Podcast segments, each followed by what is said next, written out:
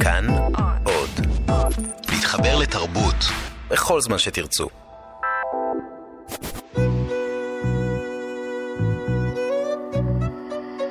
ליסה פרץ משוחחת.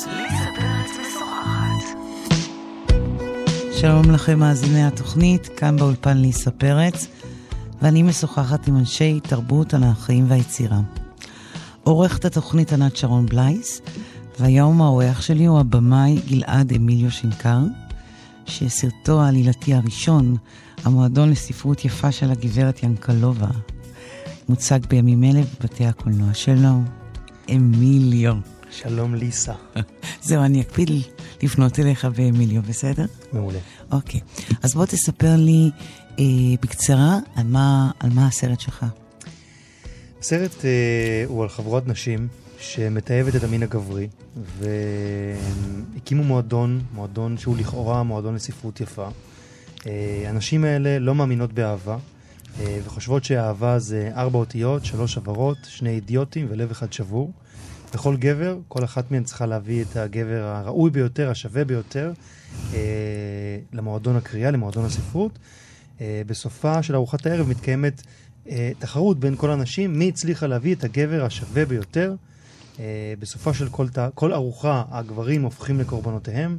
אה, הנשים אה, קוצצות את הגברים מנקניקיות, מוכרות אותם בלון הפארק העירוני, וחיות להם באושר ואושר, עד שיום אחד קרן מור, סופי, פוגשת את האביר על הסוס הלבן, יוסף, גבר נאה אה, ומועמד מושלם כדי לנצח במועדון, ואז היא בעצם נכנסת לסוג של קונפליקט. מצד אחד ההזדמנות האחרונה לאהבת אמת, אהבה שהיא מעולם לא האמינה בה, ומצד השני המועדון, ההקפדה על חוקי המועדון והנאמנות למועדון, שהוא בעצם היה כל חייה עד לאותה נקודה. אוקיי, אז בואו קודם כל נפרוס את הגלריה המפוארת של השחקניות שמשחקות בסרט הזה. אז יש את רזיה ישראלי, שהיא באמת, אני גיליתי אותה בסרט הזה. את ורבים נוספים. כן. ובצדק לי, רב. לאה קניג הנהדרת, קרן מור, אניה בוקשטיין, אה, חנה לסלו כמובן. אה, מי, מי עוד החסרתי? יפתח קליין. יפתח קליין, טוב, זה הגברים. צפיר, אלכס אנסקי. אוקיי, זה הגברים, הם לא לא. חשובים. אה, ברור שהנוכחות של הנשים היא מאוד מאוד גדולה, ולכן ציינתי את הגלריה הזאת מן הסתם. אני קראתי באחד הראיונות שעשו איתך, שהרעיון לסרט הזה נולד מיום אחד באת לבקר חברה, אה, שבורת לב, והיא הכינה לך שניצלים. וכששאלת אותה אה, מה עם הבחור, אז מה היא אמרה לך? אז כן, חברה טובה שלי בשם סיגל ראש, היא אה, חברה, אישה מאוד מיוחדת, מכירה אותה? לא, אני לא מכירה. את צריכה להכיר אותה, היא אישה מאוד מיוחדת, נראה לי שאתם תתחברו. אוקיי. והיא אה, מדי פעם מכינה לי ארוחת שניצלים, זה מעין טקס קבוע שלנו פעם בכמה חודשים, שהיא מזמינה אותי אליה הביתה, ואז אנחנו מתעדכנים בענייני דיומה, אהה ודע. ובאותה תקופה אני ידעתי שיוצאת עם איזה בחור, ואני כזה שואל אותה, תגידי, מה עם איקס? ואז היא אומרת, איקס איננו. ואני אומר, אוקיי. ואז היא פשוט uh, מורידה את המבט לכיוון הצלחת של השניצלים, בזמן שאני תוקע חתיכה מהשניצל, ופשוט מסמנת לי בעיניים, הנה, הנה, הנה הוא. עכשיו, זה סיפור מעולה. עכשיו תביני, באותו רגע, כאילו, בגלל שהיא כל כך אישה מיוחדת, אז לרגע חשבתי שזה, כלומר, שזה אמיתי, מה שהיא אומרת, כי היא מסוגלת, כאילו. והשניצל כזה נתקע לי בגרון, כזה, את יודעת, כאילו, הייתי צריך לבלוע את, הביס, ו... והיא לא חייכה. והיא, המשיכה להסתכל עליי במבט כזה, ואני כאילו, עוד, עוד שנייה אני הופך אותה שניצל. אתה מועמד לשניצל. אני המועמד הבא לשניצל, באותו רגע כאילו, באותו רגע פשוט הבנתי ש... בא- באותו לילה כבר התחלתי לכתוב את התסריט, כשהוא היה עליה, ממש עליה, עליה? עליה של איזה גברת אה, מסתורית בתל אביב ששוחטת גברים להנאתה. כל מי שמעז, כל מי שלא בא לטוב, אה, הופך לשניצל, וכך נולד המועדון אחרי הרבה דרפטים. למה מיקמת את זה באמת במועדון ספרות כזה? קודם כל, משום שהחלום של סיגל היה תמיד להיות ספרנית. יש לה איזה פנטזיה קווירקית כזאת להיות ספרנית. אה, וחוץ מזה שהיא בוגרת חוג לספרות, ושנינו היינו מדברים המון על ספרות. האמת שהארוחות האלה, אצלה בבית, היו סוג של מועדון ספרות, כזה כאילו יושבים, מדברים המון על ספרים, ו... וכך בעצם נולד הרעיון המסתורי הזה של המועדון לספרות, היא גם בוגרת חוג לספרות באוניברסיטה, וכך כך בעצם אה, נולד, כך בעצם נולד הרעיון. כי אתה יודע, מועדון ספרות ישר זורק אותך למחוזות כאלה, אה, א', ישנים. כאילו מין מקומות כאלה כמו של פעם, שהוא באמת סלונים ספרותיים או סלונים תרבותיים, אירופאים בעיקר. לא חושבת שבישראל כל כך היה, מן הסתם ברור שהיה, אבל לא כאלה שהם ממש ממותגים כאלה. וזו בחירה כאילו שהופכת את זה מיד לקומי. איך שראיתי את הדבר הזה, זה, זה נורא הצחיק אותי. כי זו קריצה, זה כמו טירה כזאתי, שבמקום לשחק קלפים, אה, אז משחקים עם בחורים, כשהמסווה הוא ספרות כמובן. אה, אותי זה ישר שישע, למרות ש... אתה יודע, הן דנות, מדברות, זה הכי שישע אותי המיקום הזה, כי זה מיקום לא מודרני. נכון. למה לא מיקמת אותם, נאמר, ב... לא יודעת איפה אפילו להגיד לך איפה, אבל... אה, תל אביב 2018. נגיד. כי אני אגיד לך, אני, משני טעמים. אחד, אני שונא קולנוע ריאליסטי. אני באמת ממש שונא קולנוע ריאליסטי, אני יכול לסבול את זה. באמת? כן, ו- ויש משהו ב... קודם כל, הסרטים שאני אוהב הם סרטי, הם סרטי פנטזיה. ההשראות שלי הם, הם, הם עולמות הפנטזיה, ואני מאמין... קודם כל, הסרט, הסרט שלי הוא סרט הפנטזיה הישראלי הראשון, ושזה נורא מוזר, כי ההיסטוריה היהודית, ההיסטוריה התרבותית היהודית היא מלאה בפנטזיה. כלומר, את יודעת, כל הכתבים העתיקים היהודים הם מלאים בפנטזיה וסיפורי אגדות ושדים ורוחות. ודווקא התרבות הישראלית היא מאוד מאוד מאוד מאוד ריאליסטית. גם הספרות, גם הקולנוע, גם הטלוויזיה, הכל מאוד מאוד ריאליסטי, עוסק במציאות, עוסק בכאן ועכשיו. ואני מאמין שאם אלוהים או וואטאבר ברא את, אה, את המקצוע הזה במאי, הוא כדי לאפשר לבמאי לבנות עולם. ו... כאילו לא מספיק שהקולנוע הוא העולם שאתה בורח אליו, אלא גם בתוכו עוד יותר להרחיק את זה מהאדם. כן. מאוד רציתי לבנות עולם שמנותק לחלוטין מהמקום ומהזמן שלו, שאין לו זמן מוגדר, אין לו מקום מוגדר, זה כמו איזשהו סוג של fairy tale, אגדה אפלה, שיכול לקרות מתישהו, איפשהו. אה, וזה היה ה vision שלי, זה מה שרציתי לעשות. ו... בוא נחזור רגע לבנות.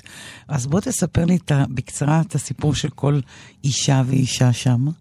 מדוע כל אחת בעצם בסופו של דבר שונאת נורא נורא נורא גברים? נתחיל עם רזיה. תראי, אני, לא, אני, לא, אני בוחר שלא לספר את זה. כלומר, בחרתי במודע, במתכוון. לא, אבל תספר לי את הגרסת הבמאי. כשנגיד אתה כותב את זה, אתה אומר בראש, כי הוא עזב אותה, כי הוא השפיל אותה, כי הוא גנב לה, גנב, אה, הלך עם חברה שלה. אז זה ביני לבין השחקניות. זה נשאר ביני לבין לא, השחקניות. לא, תספר לי. כל אחת מסיבותיה היא. כלומר, אנחנו, כדי, כדי לבנות את הדמויות, ישבתי עם כל אחת מהאנשים שעות ארוכות ודנו בתפקידים האלה, ובנינו את זה ביחד. כל אחת למה הגיעה למועדון. כלומר, היה לנו הרבה שיחות על רגעי השפל במערכות יחסים, על רגעי השפל עם גברים, על המקומות האלה שבהם הם בתור בני אדם היו יכולות להצטרף למועדון הזה. ו... ולמה החלטת לא לחשוף את הסיבות? כי... כי החלטנו במודע, התסריטאי השותף שלי ואני, יוסי מאירי, אה, להכניס את העולם כמו באיזה מחיית כף. בום, הנה אתם בתוך העולם. לא לבנות אותו, לא לתת, לא לתת הבניה של המציאות הזאת, אלא פשוט זאת המציאות. יש מועדון, יש מועדון, יש נשים בתוך המועדון, הם בתוך המועדון, ואנחנו לא מסבירים למה הם בתוך המועדון. כל אחד מהצופים אמור לחשוב עם עצמו. זה סוג של תרגיל בחשיבה, שכל אישה אמורה לצאת ולהגיד, איך אני הייתי מצטרפת למועדון הזה. לא, כי אני, השאלה הראשונה שעלתה לי, היא למה? למה הם ככה? אז הרבה אנשים שאלו את עצמם את השאלה הזאת. מה ו... גרם להם? להיות ואני, ככה. ואני, כמעט בעצב שאלתי את זה. ואני מתעקש להמשיך עם הטקסט הקולנועי ולא לענות על השאלה הזאת. כי כל אחת וכל אישה צריכה לשאול את עצמה, או כל גבר גם, איך הוא היה מגיע למועדון הזה? איך הוא היה מצטרף למועדון הזה? הגברים זה פשוט מאוד. לא, אני מדבר על גברים במובן הזה שאיך גבר היה יכול להגיע לסיטואציה שבה אם הוא היה אישה, הוא היה מצטרף למועדון. אוקיי. כלומר... הגברים הם בסך הכל שם, הם כמו פירות שמגישים אותם לשולחן, לא? בצדק רב, לא? אה, לא בטוח. לא, לא בטוח. אה, אם כבר לאכול את הפרי וליהנות ממנו. אה, אז אני אעקוף את השאלה האחרת. אה, איך היה קודם כל לעבוד עם כל כך הרבה נשים סביבך?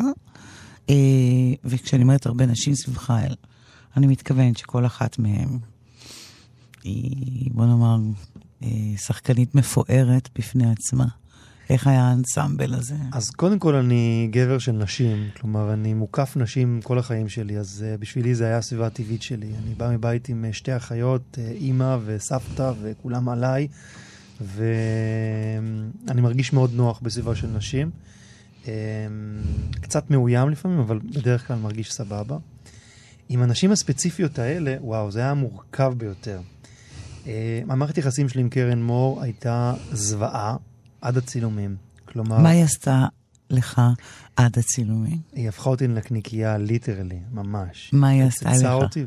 תראי, אה, קודם כל, חשוב לי להגיד שאני כתבתי את התפקיד לכל אחת מהשחקניות האלה בבית, לבד, בשקט, לפני שהכרתי אותן. כלומר, הפנטזיה שלי כשכתבתי הייתה לכתוב את זה להן, ולשמחתי כולם הסכימו להשתתף. ולפעמים המפגש מול הדמות, מול, מול הפנטזיה של איך תהיה קרן מור, היא מוטטה אותי, כי האישה היא... היא אישה דרשנית, היא, היא, היא, היא, היא, היא כמו, כמו חוקר תורה ש, שחוקר כתבי רש"י, שחוקר בפירושים שונים. ומתפלפל. היא מתפלפלת על כל מילה. היא שחקנית מאוד רצינית, זה שחקניות מאוד רציניות. אוקיי. Okay. והן מתפלפלות על כל, על כל אות ועל כל הבהרה ועל כל נקודה ועל כל פסיק ועל כל סימן קריאה ולמה זה ולמה זה ולמה זה ולמה זה.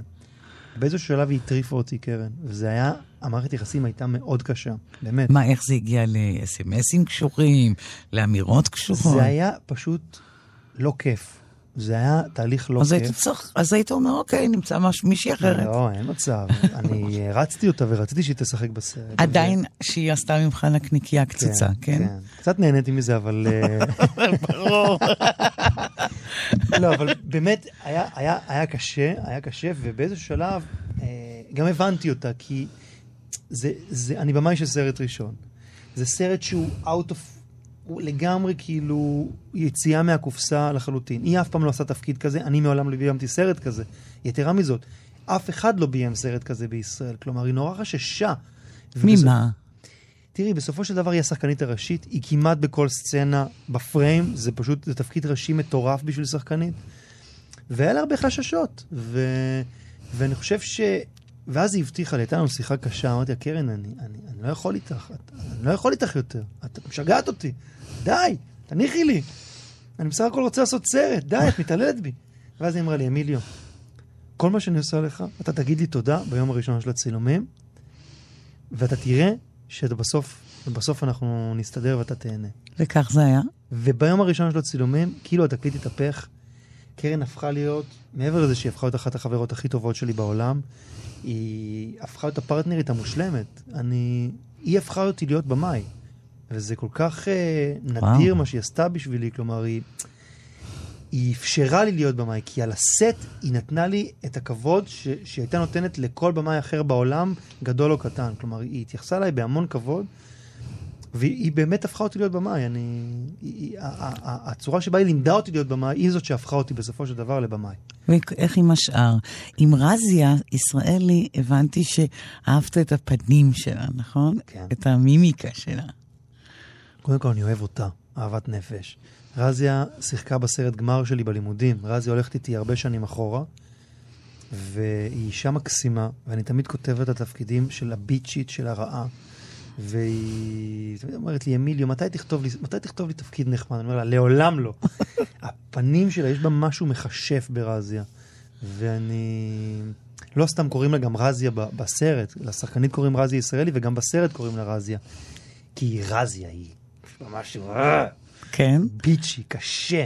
בחיים היא מתוקה, אבל איכשהו אני לא יכול לראות אותה בתפקיד של טובת, טובת לב, של פייה. ליה קנינג.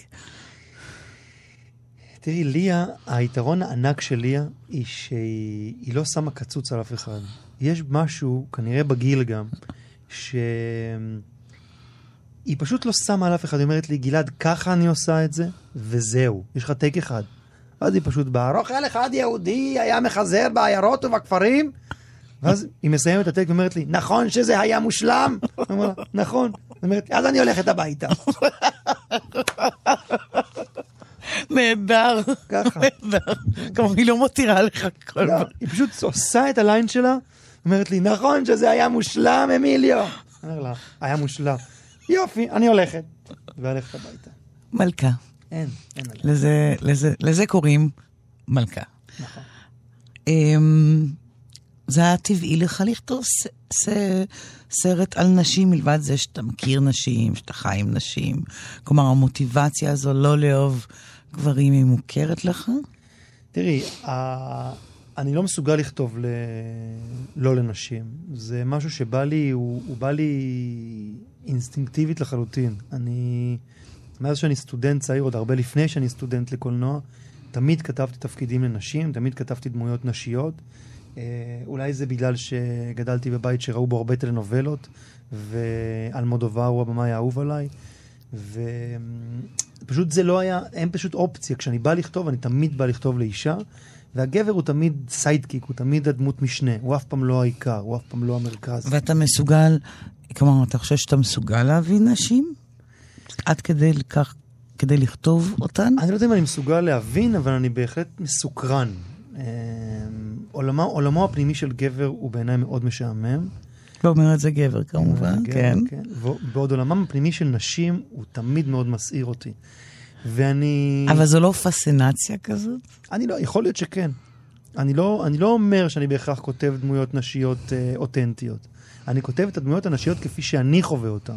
אוקיי. אני אף פעם לא אהיה אישה, אה, ככל, גם אם אני מאוד ארצה, אני לא אהיה אישה. אה, ואני לעולם באמת לא אצליח להבין מה זה להיות אישה.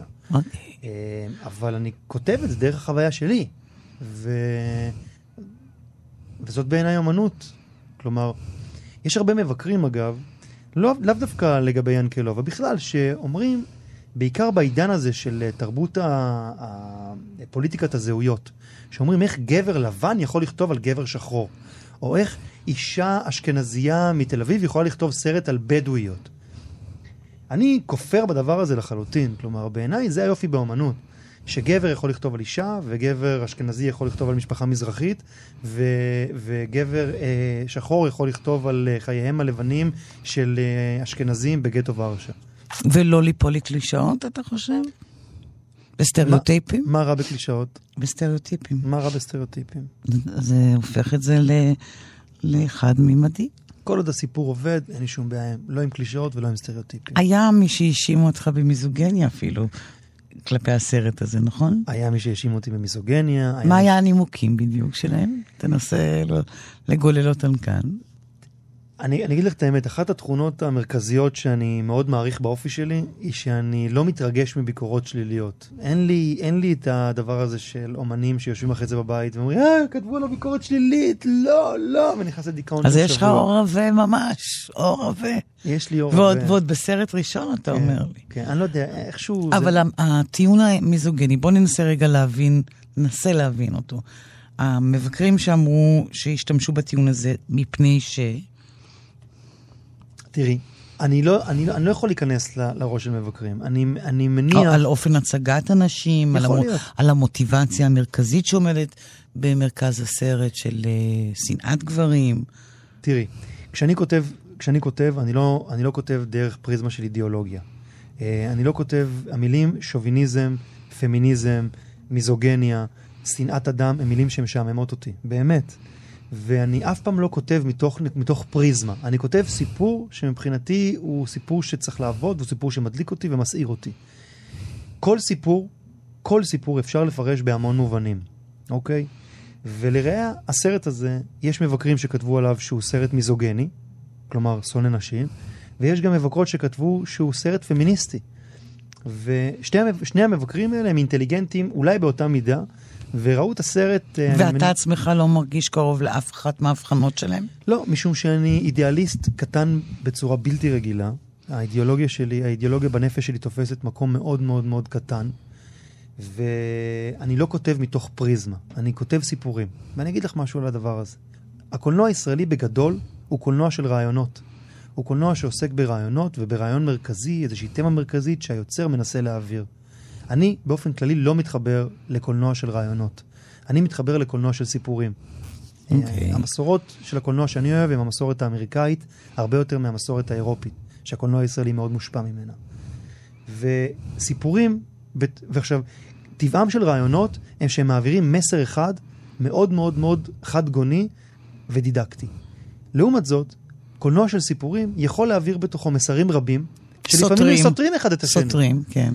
ו, וככה אני רוצה לראות את, את הסרט שלי, כסרט שיש בו הרבה רעיונות, שיש בו גם מיזוגניה, וגם שנאת גברים, וגם שוביניזם, וגם פמיניזם, והכל יכול להיות יחד באותה יצירה, למה לא? אדרבה. השנאת גברים הזאת מוכרת לך כגבר? אני לא יודע, אני... באיזה קלות אנחנו גם אומרים את זה. כי לא היינו יכולים לומר עכשיו שנאת נשים, אוקיי? כן. אבל תראה באיזה קלות אנחנו אומרים שנאת גברים. איך אני שואלת אותך בקלות כזאת, זה פתאום הפתיע אותי. אמ, אני אגיד את, אני אגיד את האמת, אני, יש בי שנאת אדם יותר משנאת גברים ושנאת נשים. כלומר, כשאני אני, אני, אני שונא את הגברים ואת הנשים במידה שווה לחלוטין, ואוהב אותם אגב, גם באותה מידה. כלומר, יש אנשים באמת שאת יודעת, מגיע להם שנאה עזה, ויש אנשים... כן, אבל פה זה נשים שלוקחות גברים ו... ומעלות אותם למזבח כמעט. כן. זה ממש, בוא נאמר, זה הצד המאוד קיצוני של שנאת גברים. כן. ואתה אה, אפילו לא אבל... לא מגלה את הסיבות למה הם כאלה. כי יש כל כך הרבה, יש כל כך הרבה סיבות. יש כל כך הרבה באמת? סיבות, כן. יש הרבה סיבות. אני חושבת שזה רק באזור הרומנטיקה תמיד, לא? כנראה. אבל את יודעת, כל, באמת, ואני אומר לך, זה עברתי עם כל, עם כל שחקנית את התהליך הזה, את השאלות האלה, שהיא שואלת אותי למה אני שם. ואז עם כל שחקנית ישבנו וניתחנו את זה, איך את הגעת למועדון, איך את כדמות הגעת למועדון. איזה תשובה הכי הפתיעה אותך? Mm, את בכל זאת מנסה עיתונאית, חדה קטר. אמ, היו כל מיני סיפורים של uh, תחתיות ושפלים שלא האמנתי שהשחקניות uh, האלה הגיעו אליהן. אה, במערכת, במסגרת מערכות היחסים שלהם עם גברים. אוקיי, okay, ויצאו מזה. ברוך השם. אנחנו נשמע עכשיו את השיר, אה, את הביצוע אה, לשיר המיתולוגי של דפנה ארמון, היא תיקח אותך, בביצוע אניה בוקשטיין.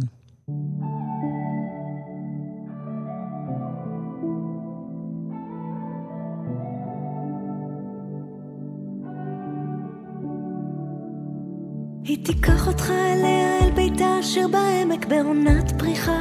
שם הרוח מנהמת אל מקום חולמים בלילות קסומים. היא תיקח אותך.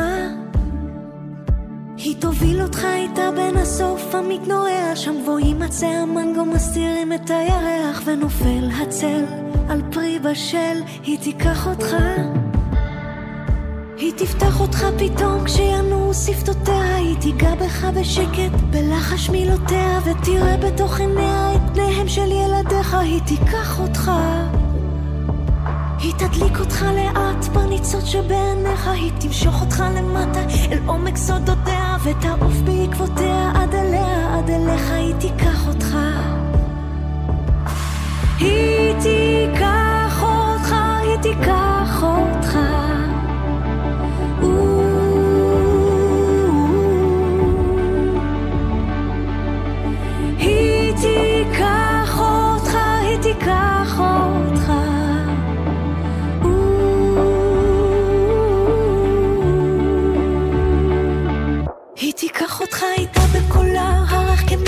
ותבוא אל מיטתה, כמו הנשר אל הרשת היא תאיר בך, להבה שכוחה, היא תיקח אותך. היא תוביל אותך איתה כל ימיך לילותיך, ותבוא בחדריה אל ארצות חלומותיך, ותדע ששוב לא תהיה עצוב, היא תיקח אותך. היא תפתח אותך פתאום כשינועו שפתותיה, היא תיגע בך בשקט, בלחש מילותיה, ותראה בתוך עיניה את פניהם של ילדיך, היא תיקח אותך. היא תדליק אותך לאט בניצוץ שבעיניך, היא תמשוך אותך למטה אל עומק סודותיה, ותעוף בעקבותיה עד אליה, עד אליך היא תיקח אותך.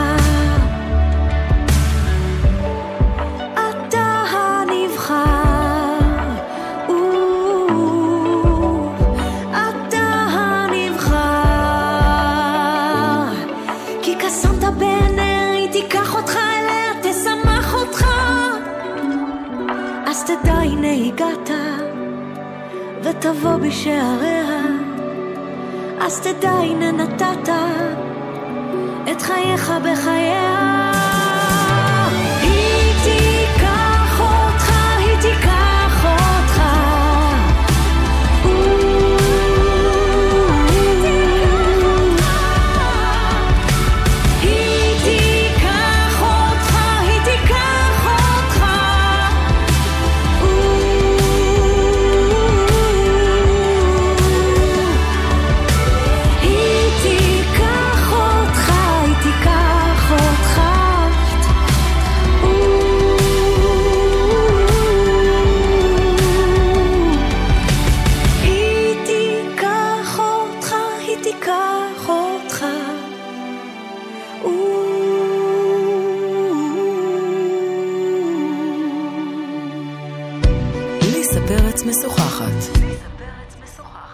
באולפן, במאי הקולנוע, גלעד אמיליו שנקר.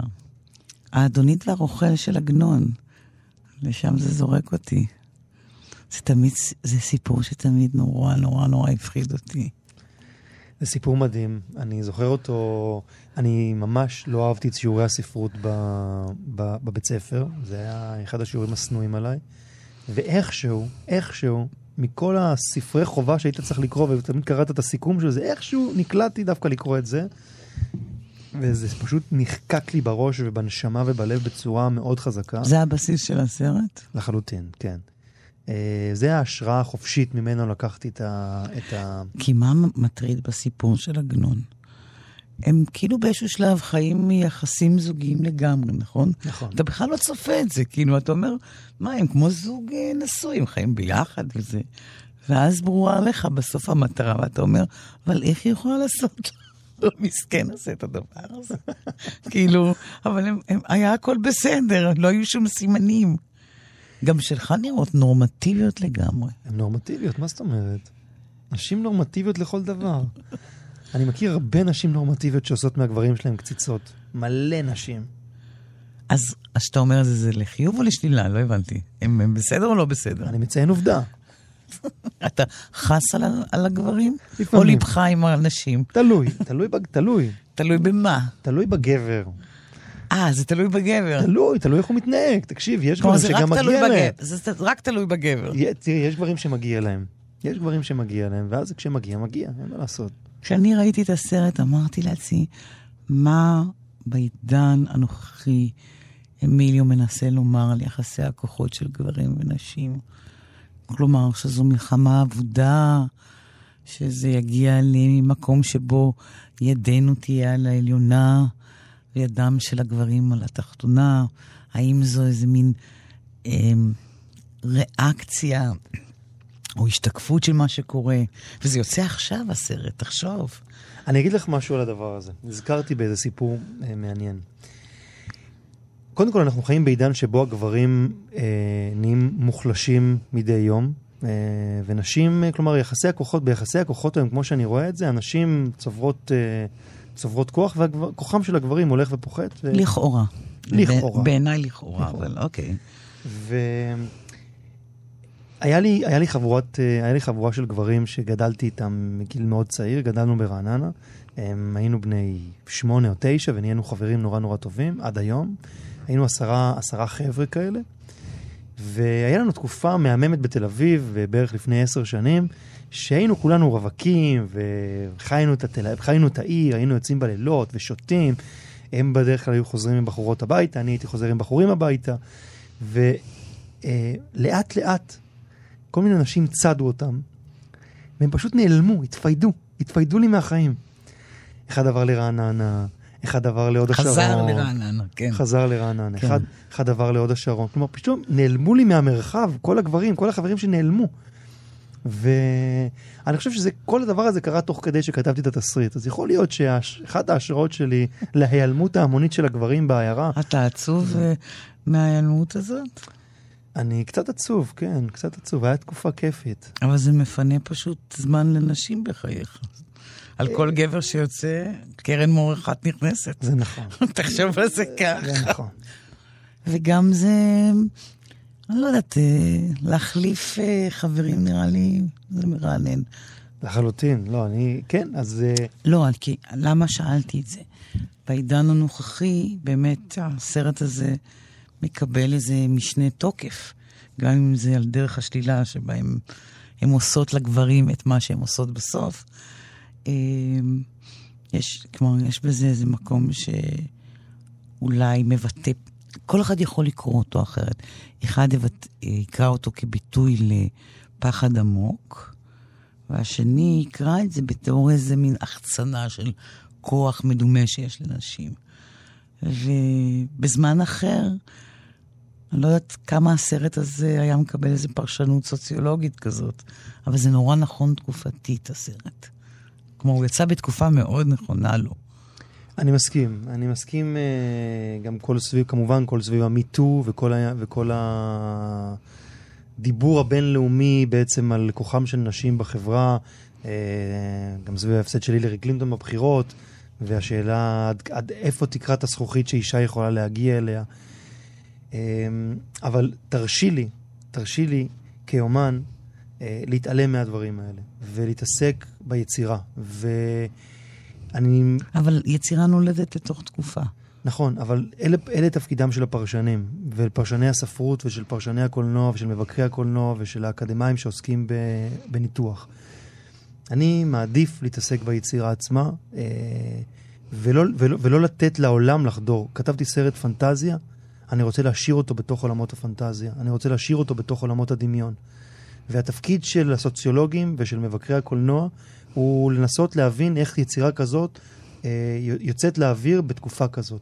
אני בכוונה לא הכנסתי אידיאולוגיה לתוך הסרט, אני בכוונה העלמתי את המציאות מתוך הסרט, וככה אני רוצה שזה יישאר. וגם כשאתה מתראיין אתה מסרב כמובן להתייחס לזמן שזה נעשה ולכוחות הפוליטיים שסובבים אותו. לחלוטין. אני, לא שאני מסרב, אלא שאני אני רוצה לתת ליצירת הכבוד שלה, ולשים אותו בחרתי ליצור יצירה פנטסטית, ובעיניי אחד התחלואים של, אחד התחלואים של הקולנוע הישראלי הוא שהוא עוסק כל הזמן במציאות. אני בחרתי לברוח מזה, וכל הזמן מנסים להחזיר אותי לתוך המציאות. ואני מנסה ומתחנן ומבקש ואומר ומפציר. פה, תנו לי לחיות בעולמות הדמיון. תנו לי לחיות בעולמות הדמיון. תלכו לסרט, תראו אותו בלי שיפוט מוקדם, בלי תופעת המיטו, ובלי הילרי קלינטון, ובלי שוביניזם, ובלי פמיניזם, ובלי מיזוגניה. לכו לראות סרט, לכו לראות סיפור. בואו ניתן אחרי זה לפרשנים להתעסק במה שהם, מה שהם יודעים לעשות טוב. אגב, אה, כשאמרת שאתה במאי הפנטזיה הראשון בישראל, זה, זה עובדה מוכחת? כלומר, או שזה... נעשו ממש מעט סרטים שעוסקים בעולמות פנטסטיים. אחד מהם הוא דוד פרלוב, שעשה סרט בשם הגלולה. אבל גם הגלולה עוסק במציאות פה, כלומר, אה, הוא, הוא, הוא, סרט, הוא סרט שיש בו איזה סוג של מדע בדיוני כזה, אבל הוא כן עוסק בתל אביב באותה שנה שהסרט נעשה.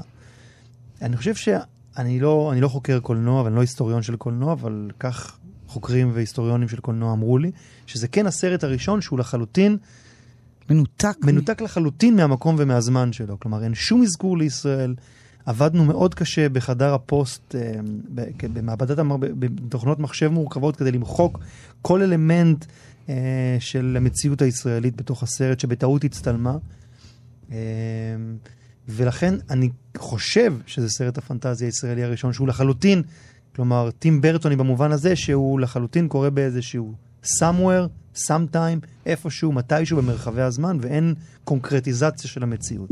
אגב, זה יהיה הכיוון גם של הסרט הבא שלך, הפנט... הפנטזיה? כן, אני... לשם אתה תלך? כן, זה עולמות שמסקרנים אותי, מדליקים אותי. אני חושב שזה גם הז'אנר הכי קשה לביצוע. אה, ויקר נורא. ויקר נורא, וקשה נורא וסיזיפי נורא, אבל... למה הוא קשה יותר? כי אתה צריך לבנות הכל. כלומר, אתה לא יכול, כש, כשאתה עושה סרט, לצורך העניין הייתי ממקם את הסרט הזה בתל אביב, ברחוב אלנבי 2018, היה מאוד קל לצלם אותו יחסית. נכון, סרט ישראלי פשוט זורק את ה... את הפופ שלו באמצע אלנבי, ויש סרט, נכון? נכון. ריאליסטי מאוד. נכון. אוקיי. במקרה שלנו היינו צריכים לבנות הכל מאפס. עכשיו, קיבלנו מעט, קודם כל זה, התהליך מתחיל מזה שמאוד קשה לקבל כסף לסרט כזה. כלומר, קיבלנו 16 פעמים, תשובה לא, מהקרן. נכון, אני הבנתי שאתה הלכת ונדנדת ודיברת ו... הטרפתי אותם, אני, אני, באמת, אני מרחם עליהם על מה שעשיתי להם. מה עשית להם? באת? הטרפתי אותם, לא, הם זקנים. שיגעתי אותם, מיילים על גבי מיילים וטלפונים, וערבתי להם מחוץ למשרד. ובאתי למנכ"ל הקרן, אמרתי לו, בכיתי בבכי, אמרתי לו, תגיד, אתה רוצה שאני אמות? אתה, אני, אני, אני, חייב, אני חייב לעשות את הסרט הזה, הסיפור של הגברת ינקלובה חייב להיות מסופר. אתה מונע מבעד הציבור הישראלי לראות את הסיפור של הגברת ינקלובה. וממש 16 פעמים. התחננתי, זה לקח שנים. כמה שנים? כל תהליך עשיית הסרט, כמעט שמונה, לדאבוני. אוקיי, ואז בסוף כן קיבלת. בסוף קיבלנו, קיבלנו קצת כסף. אה, בטח שלא מספיק כדי לעשות סרט אה, פנטזיה. אני זוכר שהמפיק שלי, מריק רוזנבאום, אה, מאוד רצה שנצלם את ה... הוא רצה לפעול באמצעים שיש לו, והוא רצה שנצלם באיזה דירה של איזה גברת שקוראים לה מרילה. הלכתי לראות את הדירה של מרילה, שזו דירה תל אביבית טיפוסית. חשכו עיניי, באתי בדיכאון, אמרתי למריק, מריק, אני לא יכול לצלם את הדירה, את הסרט בדירה של מרילה. אנחנו רוצים לעשות טים ברטון, רוצים לעשות פנטזיה. איך אני אצלם את זה בדירה של מרילה? אז הוא צורח עליי. אתה רוצה לעשות טים ברטון ב-400 אלף שקל? אתה לא טים ברטון, אתה דמות בסרט של טים ברטון. ולשמחתי, הצלחתי איכשהו להדביק אנשים בהתלהבות שלי, ונרתמו פשוט המון אנשים לעזור לנו. אה, קיבלנו אולפן ממשפחת בורנשטיין, שהבעלים של טמפו. איזה אולפן ענק ועתיק, איזה האנגר גדול נטוש שלהם, שהיה בית של יונים ועכברושים במשך המון שנים. השקענו איזה כמה מאות שקלים כדי לנקות אותו, ופשוט גרנו בו חודשיים, בנינו שם את כל הסטים. עכשיו, לדוגמה, אני אתן לך עוד דוגמה, אה, לא היה לנו כסף לסטים, לא היה לנו כסף לדיקטים, לקורות עץ כדי לבנות תפאורה. אז שמעתי שבאותם ימים מסיימים את הצילומים של הסדרה זגורי אימפריה. וידעתי שהם הולכים לזרוק את כל, את כל הדיקטים האלה לפח, אז פשוט הלכנו למזבלה באמצע הלילה, למזבלה של זגורי אימפריה. וגררתם. וגנבנו את כל הקוליסות של זגורי אימפריה, ובעצם הסרט שלי הוא כל כולו עשוי מקוליסות של זגורי אימפריה שנזרקו לפח ואנחנו שיפצנו אותם. גדול. כן. זה סיפור מצוין. כן. אז תודה רבה למאור זגורי. הוא יודע את זה. סיפרתי לו את זה לפני כמה ימים, הוא היה בשוק. באמת, הוא שאל, איפה נעלמו הקוליסות? פשוט הלכתם וגררתם. גנבנו אותם, לא שאלנו אף אחד, פשוט הלכנו ולקחנו אותם. אמ, אתה סיימת את לימודיך מתי? אמ, סיימתי התואר השני שלי לפני שבע שנים, ב-2011. אז יחסית אתה פרח קולנוע ש... מה שנקרא, הפציע מאוד מהר. גם אם זה שמונה שנים, סרט עלילתי ראשון. לא הייתי אומר מהר, כלומר, אני צוחק ביני לבין עצמי, אמא שלי מאוד רצתה שאני אלמד רפואה. אז אני צוחק ביני לבין עצמי שאם הייתי הולך ללמוד רפואה, כבר הייתי מנתח בכיר אה, בשנים שחלפו מאז. מהיום הראשון שהתחלתי ללמוד קולנוע. אה, זה לוקח המון זמן, זה סיוט. אני לא ממליץ לאף אחד ללכת ללמוד קולנוע, אלא אם כן, באמת, זה משהו שאתם לא יכולים לחיות בלעדיו. בכלל, אני לא ממליץ ללמוד אומנות, לא מוזיקה, לא קולנוע, לא תיאטרון, אה, לא אומנות פלסטית. פשוט אל תלכו למקצועות האלה, זה מקצועות סיוט, אלא אם כן, אתם לא יכולים בלעד, בלעדיהם.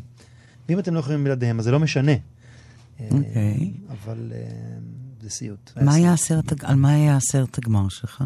סרט הגמר שלי קראו לו לבן, אני מאוד אשמח שתראי אותו. אה, משחקת בו בתפקיד הראשי סיגל ראש, אותה אחת של... אותה השניצלים. עם השניצלים. מתחילת התוכנית. וזה על בית כלא, שהוא כולו לבן, אה, ובו נשים מרשעות כולאות גברים אה, צעירים ומתעללות בהם. כלומר, אז היה לך כבר את הפיילוט. היה את הפיילוט, כן. זה נשמע כמו סטלאג. בבקשה.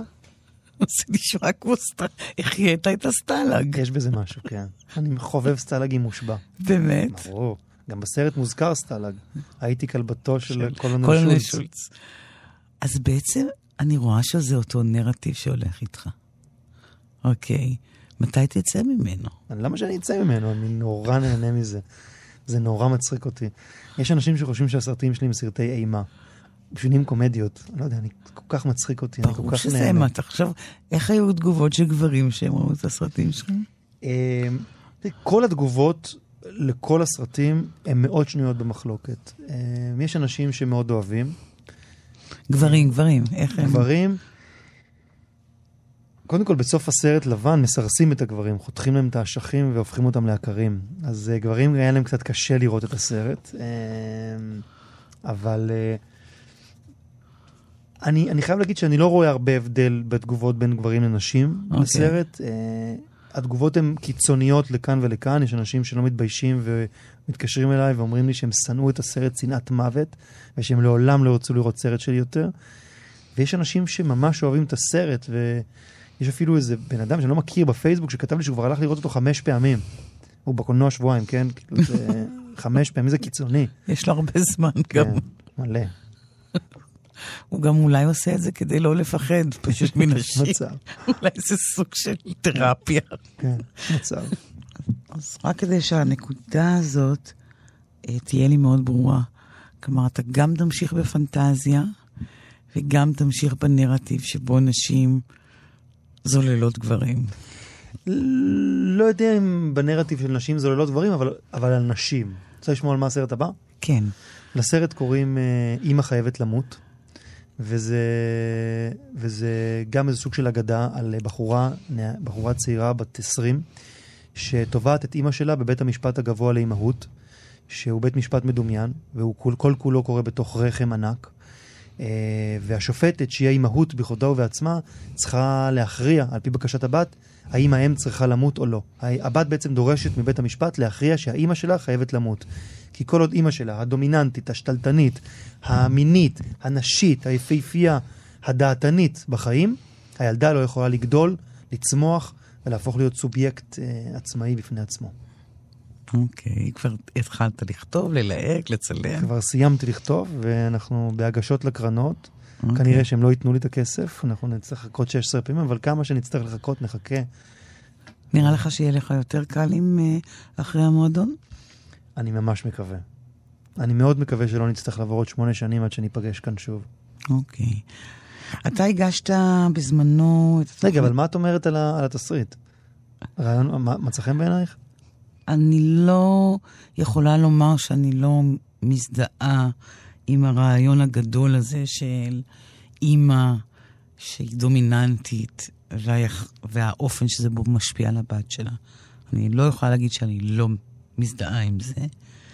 אמ, אני חושבת שזה נושא כאוב מאוד, ומאוד מאוד נפיץ, והוא אף פעם לא הולך, גם אחרי שהאימא מתה. בוודאי שהיא חיה.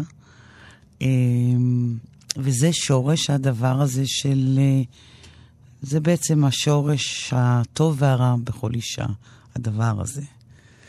ואני רואה את זה אצל כל אישה סביבי, חזקה, חלשה, צעירה, מבוגרת, בישראל ולא מישראל.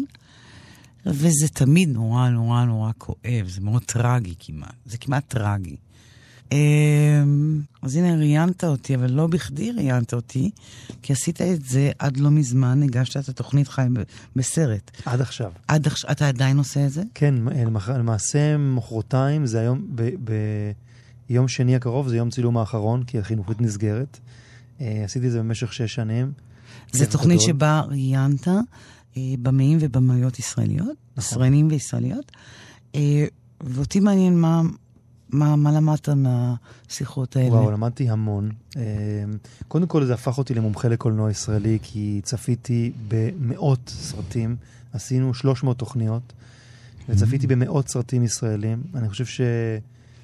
וואו, קולנוע ישראלי הוא באמת קולנוע מפואר, ואני מאוד מאוד מאוד נהניתי לעשות את התוכנית הזאת. זה היה סוג של הובי בשבילי, כן? זה לא היה מרכז חיי, אבל, אבל מאוד נהניתי מזה. פעם בחודש, אה, אני ובת שבע, העורכת של התוכנית, היינו נפגשים, צופים בוויקנדים, עושים וויקנדים בינג'ים של סרטים, אה, והיה פשוט אה, נורא נורא נורא כיף. הלוואי ואחרי שהחינוכית תיסגר, נוכל למצוא מסגרת חדשה לעשות את התוכנית, כי בעיניי היא... היא ארכיון. היא ארכיון, ואומנם היא תוכנית קהילתית, היא תוכנית לקהילת הקולנוע ולחובבי הקולנוע בישראל, שאין הרבה כאלה לצערי, אבל, אבל, אבל, אבל היא נורא כיף לנו לעשות אותה. ואני מצהיר, אני מוכן לעשות אותה גם בחינם, אה, כי אני כל כך נהנה, פשוט נהנה לעשות את התוכנית הזאת. וזה, וזה כיף, כיף ענק, וחבל שזה יורד, אבל... אה, ומבין שגם... כל השלוש מאות uh, תוכניות, לא מצאת אף במאי פנטזיה? כמו אף אחד עם נטייה כזאת? לא, לצערי לא. אז בעצם אתה לא ממשיך אף אחד באיזה מסורת קולנוע ישראלי. אני... תראי, היחיד ש... היחיד ש... יש שני במאים ישראלים שהם באמת, uh, בעיניי, גאונים בצורה בלתי רגילה. אחד מהם זה אסי דיין, זיכרונו לברכה, שהיה... גם זכיתי לראיין אותו בתוכנית, וזה היה הרעיון הכי מרגש שהיה לי. והשני זה אורי זוהר. אה, שניהם לא עשו פנטזיה, אבל הם כן יצרו בתוך הסרטים שלהם איזשהו עולם פנימי שהוא מאוד מאוד מאוד ייחודי לסרט. אה, ואני חושב שאם יש במאים שאני מושפע מהם, אני לא, אני לא אגיד אוהב, כי אוהב אני אוהב הרבה במאים ישראלים, אבל מושפע בבמאים הישראלים זה אורי זוהר ואסי דיין, ובבמאים הבינלאומיים זה טים ברטון ופדרו אלמודובר, שהם האבות שלי. טים ברטון שלי. לגמרי אפשר לראות את הנגיעות בסרט של גברת ינקלובה. כן, אז הם, הם באמת ההשראה שלי, ואני רואה בעצמי עוד חוליה בשרשרת של, של האבות האלה, כי אני מרגיש שהם אה, מאוד השפיעו עליי כיוצר. אז למה לדעתך לא עושים סרטי פנטזיה בישראל? תראי, יש פה איזה מעגל קסמים אה, אימתני, אה, vicious circle של הקולנוע הישראלי. שבו כשסטודנטים צעירים מגיעים לאוניברסיטה הם לומדים שהדבר הכי חשוב זה להתקבל לפסטיבלים. בין היתר כי מנהלי בתי הספר לקולנוע נורא רוצים לנסוע לפסטיבלים האלה על חשבון הפסטיבלים, והם יודעים שהפסטיבלים לקולנוע, כי הם רוצים נורא להרגיש מוסריים עם עצמם, הם מקבלים רק סרטים שעוסקים בסכסוך הישראלי-ערבי פחות או יותר. אז כל הסטודנטים לקולנוע עושים סרטים כאלה, ואז הם מתקבלים לפסטיבל כאן וזוכים במקום הראשון ולהמון מחיאות כפיים. ואז הם מגיעים לכתוב את הסרט הראשון שלהם, והם יודעים שגם ראשי הקרנות נורא רוצים לנסוע עכשיו לפסטיבל כאן בברלין וונציה. עם הסרט של אחת הקרנות מתקבל, אז הם כותבים, בשביל שהלקטורים ייתנו להם את הכסף, כותבים אותם סרטים. סרטים. בגדול הקולנוע הישראלי עוסק בשלושה נושאים. הסכסוך הישראלי-ערבי, יחסי עדות מזרחים ואשכנזים בתוך החברה, ודרמות משפחתיות. שלושת הנושאים האלה, מבחינתי, יצאו לי מכל חור, אני לא יכול, לא יכול, לא יכול לשמוע עליהם יותר. כלומר, מה יש עוד לספר חוץ מזה, לדעתך? וואו, יש כל כך הרבה דברים לספר, על, גם על ישראל וגם בכלל. אמ, ובין היתר, אני מאמין שזכותו של הצופה הישראלי להפליג אל מרחבי הדמיון. כלומר, אה, למה, למה, למה לאמריקאים ולבריטים ולצרפתים ולגרמנים מותר להפליג אל מרחבי הדמיון ולתוך אה, עולמות אחרים ולתוך פנטזיות אפלות אה, ולישראלים תמיד חייבים להישאר עם, במהדורת החדשות עם יונית לוי. למה? למה? למה אי אפשר לצאת מזה? אוקיי. תודה רבה, גלעד אמיליו שנקר. תודה, ליסה. עד כאן השיחה עם הבמאי גלעד אמיליו שנקר. אני ליסה פרץ, עורכת התוכנית ענת שרון בלייס. אפשר להאזין לתוכנית הזאת ולתוכניות נוספות גם באפליקציית כאן אודי. תודה לכם על ההאזנה ולהתראות.